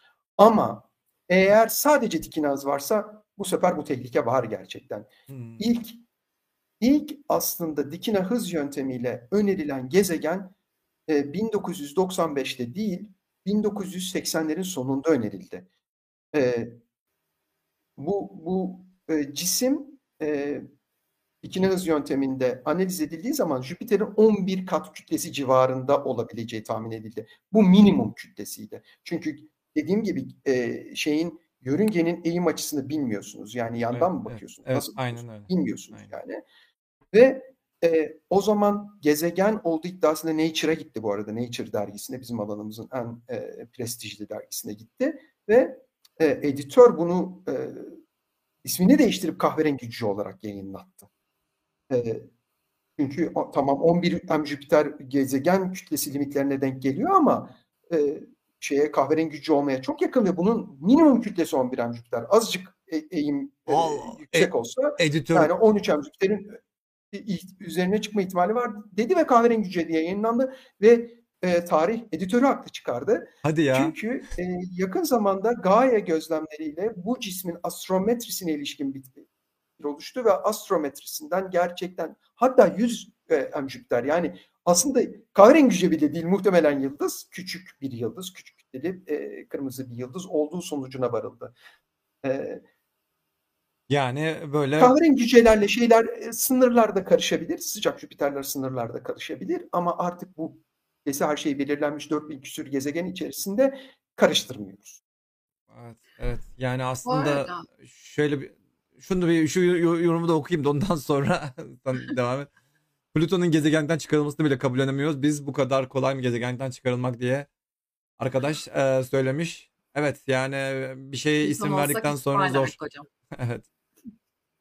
Evet ama işte orada kaygılar farklı biliyorsun Umut. Yani e, hem popüler kaygılar var yani şey anlamında popüler kaygılar var. Şimdi Plüto'ya gezegen dediğin anda bin tane gezegenin olacak. Evet. Bunu astronomlar biliyorlar. Evet. bin tane gezegenin olacak ve bu iş e, yönetilebilir olmaktan çıkacak korkusu uyandı insanlarda.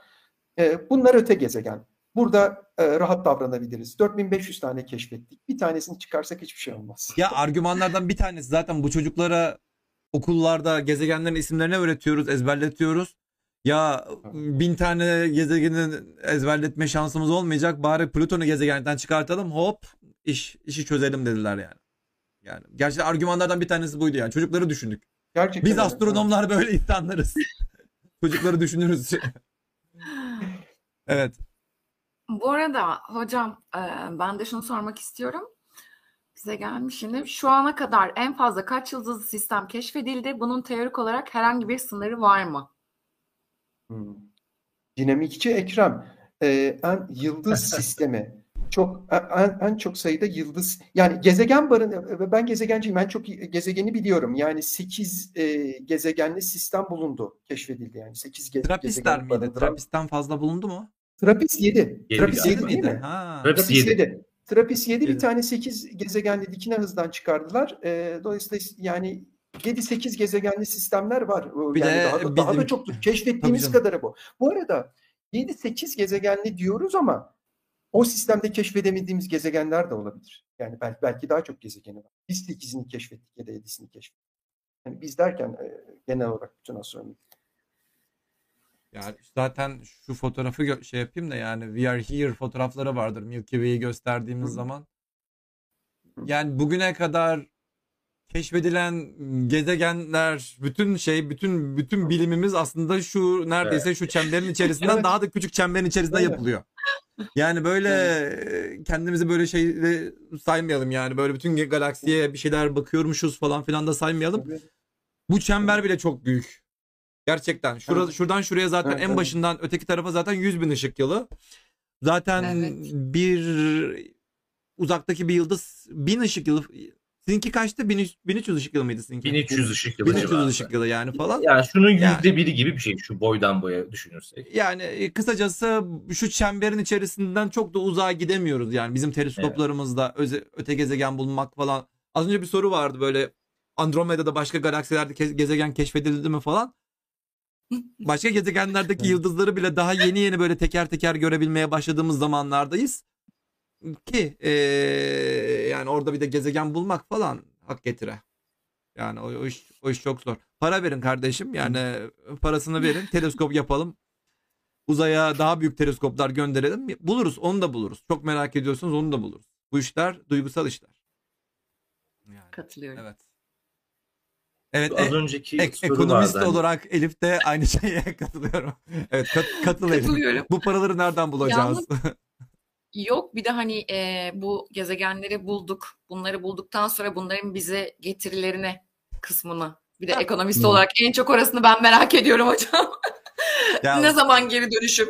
Bu gezegenler yenir mi içilir mi ne yapacağız? Bize, bizden bu kadar uzakta olan gezegenlerin bize ne faydası var? diye diye soru Bir sordum. de Hadi- gaz kütlesiymiş. bir de gaz kütle. Zaten Jüpiter şurada bir iş yapamıyoruz. Yani hiçbir şey bize hiçbir işimize yaramıyor. Şuradaki Jüpiter bile yani başka bir yerdeki ta 1300 ışık yılı ötedeki bir Jüpiter'i bulmak bize ne fayda sağlar? Hah sordum soruyu da. Evet. evet. Hadi bakalım. Ha, biz, biz- bize mi sordunuz? Biz, biz bu işlerden anlamayız. Biz bu işlerden anlamayız. Hep bana sorulur. Yani- ben de size sorayım. Yani biz işlerden anla Biz, çok, eee, anlamıyoruz işin para biz- biz bilim yapıyoruz. söylemek gerekirse. Ama e, ama yani şöyle söyleyelim. E, yörünge kararlılık açısından düşünelim mesela değil mi Ekrem? Yörünge kararlılık çok önemli bir şey. Bir uydunun yörünge kararlılığını da saptayabilirsin. Bir e, e, diyelim ki e, kendi yaptığın bir iletişim uydusunun da yörüngesinin kararlı olup olmadığını da belirleyebilirsin. Evet. Ve bunun için uzman gerekir değil mi? Yani sen bu uzmanlardan biri olarak yetişiyorsun. Yani Ekrem bu arada doktora tezini yörünge kararlılık test, e, yörünge kararlılık kararlılığı üzerine yapıyor. Tamam çift yıldız sistemlerinde ki bulunan e, üçüncü cisimlerin yörünge kararlılığı konusunda yapıyor ama bu genelleştirilebilir bir problem. Tabii ki özel başka e, bir takım spesifik uygulamaları var. On- Onlar öğrenilebilir şeyler ama e, bir taraftan da uzman yetiştiriliyor başka işler içinde. Evet yani bize benzer gezegenleri bulmaya çalışıyoruz işte. Bulup da ne yapacaksın diyorlar hocam. Ne Tabii. cevap verelim buna işte. Bir de, bir de işin o tarafı var. Ee, Biz bir bulur de işin- geçeriz diyorlar hocam.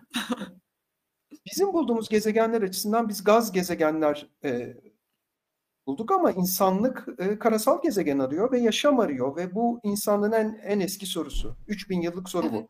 Evrende yalnız mıyız? Evet. E, Hatta- yani e, hı hı. Arkadaş da zaten bunu yazmış. Kendimi Arok'taki geliyor e, Cem Yılmaz gibi hissettim şu fotodan sonra diye. Evet yani öyle çok da kusura bakmayın yani kocaman bir evrenin içerisinde ufacık bir toz parçasının üzerinde yer alan DNA'ya sahip mikroskopik on yani koca evren ölçüsünde mikroskopik ötesi canlılarız yani. Kendimizi böyle bir e, şeye sokmanın Bir bir şey anlamı de yok. var. Ya belki şunu ekleyebiliriz. Hani e, evrende yalnız mıyız sorusunun cevabını bulmaya çalışıyoruz. Bu yaşamı nerede arayacağız gibi bir şey var. Yani öncelikle gaz devlerini bulmazsanız gezegenler neye benziyorlar bilemezsiniz. Gezegenler hangi tür yıldızların etrafında bulunabiliyorlar? Bu soruların cevabını vermezseniz doğru hedefler bulamazsınız. Az önceki görselde yazmıyor ama orada 200-300 milyar tane yıldız var. Yıldızları tek tek bakmak isterseniz bitmez bu iş.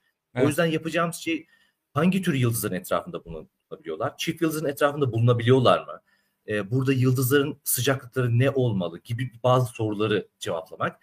Karasal gezegenler ne mertebede oluşabiliyor? Biraz bunları çözmek. Ona göre aslında hedefleri daraltıp e, daha insanlığın bile ömrüne sığabilecek bir hedef haline getirmek. Ve merak ettiğim soruyu biraz da böyle cevaplamak.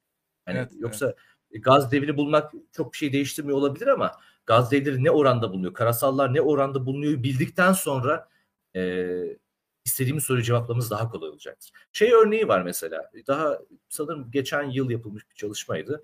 E, süper dünyalar denilen bir e, gezegen sınıfı var. Bunlar karasal gezegenler ama kütleleri dünyadan daha büyük. bu bir çeşit e, simülasyon benzeri bir şey yapmışlar. Ya. Tam detaylarını bilmiyorum ama sonuç şu. Süper dünyaların e, uydu oluşturamayacağına e, dair bir e, çıktı üretmiş bu çalışma. Uydu üretemeyecek. uydunu Uydu olur. evet yani oluşumları esnasında uyduları tutamıyorlar yani bir şekilde yörüngelerinde. Ha, oluşumları Böyle şey- sırasında. Ha. Oluşumları sırasında bir uyduları olamıyor. Şimdi uydunun olup olmaması yaşamın varlığı anlamında önemli. Biz bunu aydan ve dünyadan biliyoruz tabii ki. Hem dünyanın yörünge daha doğrusu dönme eksenini belli değerlerde sabit tutuyor. Hem de gelgitlerle işte sudan karaya hayatın geçişini kolaylaştıran bir etkisi var.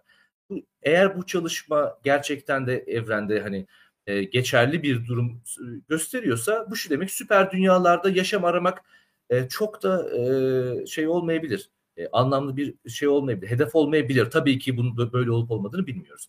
Ama bu sorunun cevabını vermek için öncelikle 30 yıl boyunca insanlık olarak 5000 tane gezegen bulmanız gerekiyor. O 5000 gezegenin kaçı karasal, kaçı gaz dedi işte veya Evet. süper dünyayı bilmeniz gerekiyor ki buralara gelsin. Evet evet dahasının gelebilmesi Ben için. cevabımı aldım. Zaten e, biz bununla alakalı bir program yapmıştık. Sanır ilk yani dördüncü sezonun ilk programı e, Tevfik Uyar'la beraber yapmıştık. Fermi paradoksu işte direkt denklemi vesaire. Orada da e, özellikle şu yorumu çıkartmıştık. Galaktik köylüyüz diye demiştik. Çünkü galaksinin merkezinden uzakta böyle köy köy gibi bir yerde yaşıyoruz. Kim bilir merkeze yakın yerlerde neler var ya da neler yok. Onun argümanlarını bayağı bir uzun uzun o zaman konuşmuştuk. Hatta onu da Bu- şurada görebilirsiniz. Şuraya koyayım bari onun linkini diye söyleyebiliriz. Evet. Bu anlamda bu arada e, galaksiden merkezden uzak olmamız köy değil bayağı cennette yaşıyoruz anlamına tabii, gelir. çok- Çünkü çok- merkezdeki yıldız sayısı yüksek, süpernova ihtimalleri yüksek. Dolayısıyla pek yaşanabilir olmayabilir. Galaktik yaşanabilirlik anlamında. Artı artı zaten galaksi merkezinden gelen bu kozmik ışınlar falan özellikle oralarda çok daha şiddetli olacaktır. Oralarda yaşamak belki e, çok da iyi olmayabilir zaten. Yaşama yaşam da oluşmayabilir. Yani öyle bir şey de olabilir. Evet. İçeride yanardık hocam sıkıntı demiş. Şimdi o zaman programımızın zaten yavaş yavaş sonuna gelelim. Burada bayağı bir e, bir tartışma oldu. Astronomi bölümü okumakla alakalı. Şimdi e, orada birkaç tane soruyu hemen kenardan kenardan aldıydım. Sorulardan bir tanesi şu. Astronomi bölümü okumayı düşünüyordum fakat taban puanı çok düşük diye bir soru var. Ee, neredeydi o başka? Astronomi bölümünün içeriğinden de bahsedebilir misiniz diye sorular var. Chat'te bayağı bir böyle bir muhabbet geçti. Astronomi bölümünün nasıl e, bölümler olduğundan falan bahsedildi. Ne tür e, dersler görüyorsunuz? Onları da en azından bir hocası hocaları olarak en azından siz de anlatabilirsiniz. Ben zaten daha önceki programlarda arada bir denk geldikçe konuşuyorum ama siz şu anki en azından daha güncel bir şekilde anlatırsanız daha güzel olur. Ee, astronomi bölümünün e, sayısal bir bölüm olduğunu belirtmeye gerek yok. Mu muhtemelen herkes takip ediyordur. Ee, ağır bir e, programdır. Ee, buna şüphe yok. Ee, matematik, fizik, e, kimya bunların hepsini görüyoruz. Ee, temel e, temel fen bilim derslerinin hepsini birinci, ikinci sınıfta hatta üçüncü sınıfta e, matematik ve fizik dersleri ağırlıklı oluyor. E, Bunun yanı sıra bilgisayar bilimleri e, çağımızın olmazsa olmazı e, yani araç o E, en önemli araç o E, ve e, astrofizik ve işte astronomi konum astronomisi dersleri üzerine kurulu bir e, program. Güçlü e, bir program.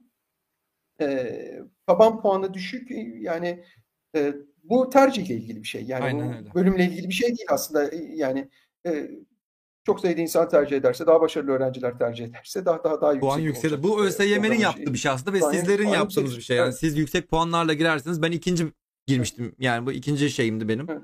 Yani e, puanım ne olursa olsun gireceğim dedim. Girmiştim. Aslında programın başında da yani öncesinde de şey konuşmuştuk. Yani biz Özgür'le sınıf arkadaşıyız. Ama ben bir sene Evet. üstteyim diye hı söylemiştin. hı. Ama biz beraber aynı dersleri aldığımız çok derslerimiz oldu. Biz aynı sınavlara Tabii. girdik. Astronomide böyle bir olay da var zaten. Yani üniversiteye Evet, bir giriyorsunuz ondan sonra zaten herkes beraber ders almaya başlıyorlardı bizim zamanlar. Şu anda millet 4 senede bitirebiliyor mu? Bizim zamanımızda 4 senede bitirme olayı bayağı zordu. Sen Vallahi- tabii sen bayağı başarılı öğrenciydin o sıralar yani. Sen 4 senede Çok bitirdin. çok yaygın. Evet. Evet. 4 sene, ben 4 senede bitirdim. Çok Ben çok yaygın ben 6 senede Yok canım bitirdim. yani çok çok yaygın bir şey değil ya. Bu- Bunun da önemi yok bu arada. Onu da söylemek lazım. Ya bunun bunun çok büyük bir önemi yok. Çok yaygın değil 4 sene. Biz biz bölüm derecesi verirken çok zorlanıyoruz. Yani e, çünkü e, işte bütünlemeye hiç kalmamış öğrenci olması gerekiyor. Bütünlemeye hiç kalmamış. Yani bu sene üçüncümüz yoktu mesela değil mi? Yani bir, sadece Nasıl yani? vardı. Hiç bütünlemeye kalmamış öğrenci olması gerekiyor. Sadece 4 senede bitirmeyecek. Hiç de bütünlemeye kalmayacak. E, öyle iki tane öğrenci bulabildik. E, E tamam da bu öğrencinin Ee, şeyi yok mu yani kaçıncı olduğuna dair bir kağıt veremiyor musunuz? Birinci ile ikinciye verdik. Üçüncü yok.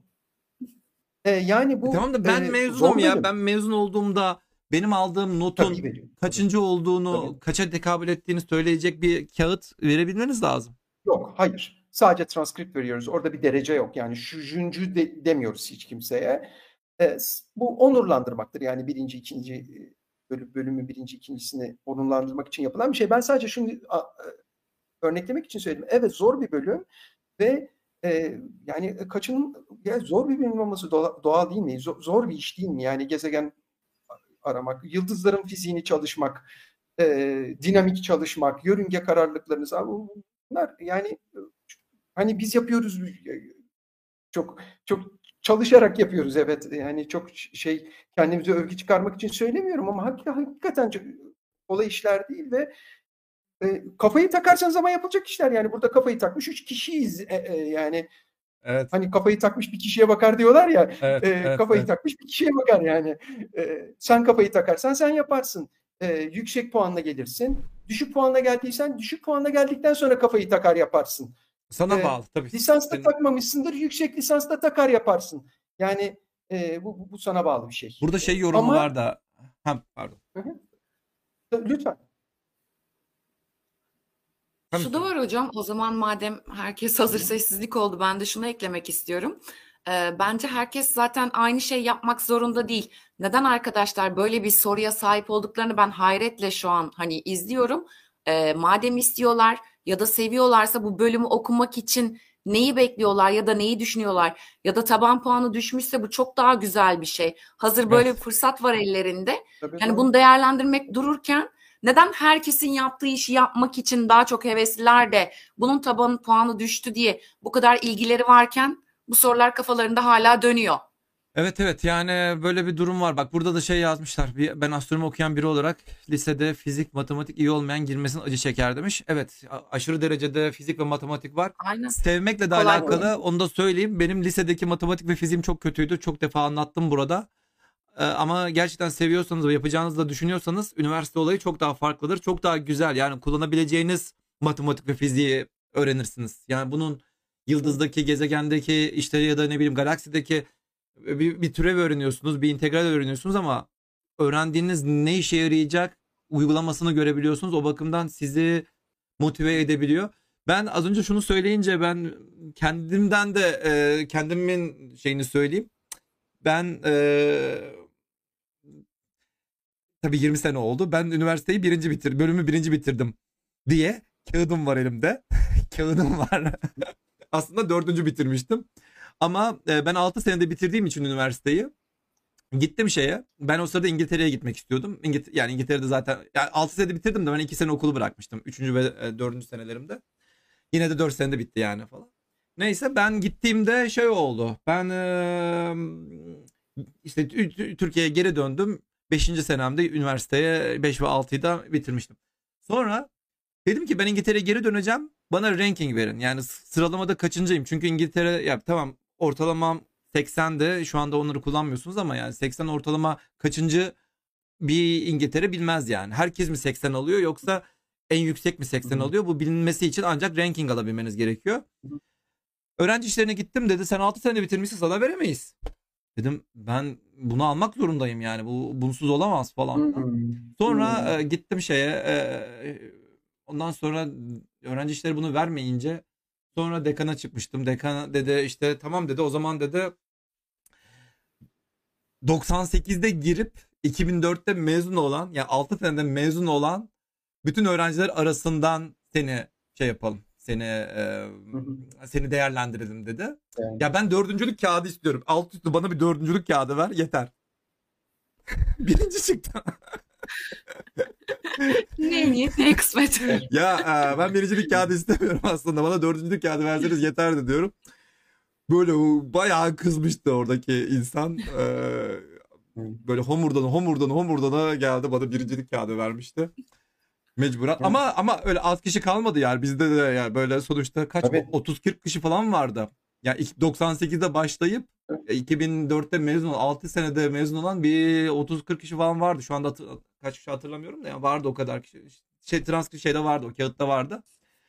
Ve eee İngiltere'ye gittiğinde de gösterebileceği böyle bir kağıdı göstersen o 30 kişide astronomi bölümünde 30 kişi mi varmış falan derler. Ya oralarda en fazla 20 kişi olur, 15 kişi olur falan yani böyle çok az insanın alındığı yerlerdir.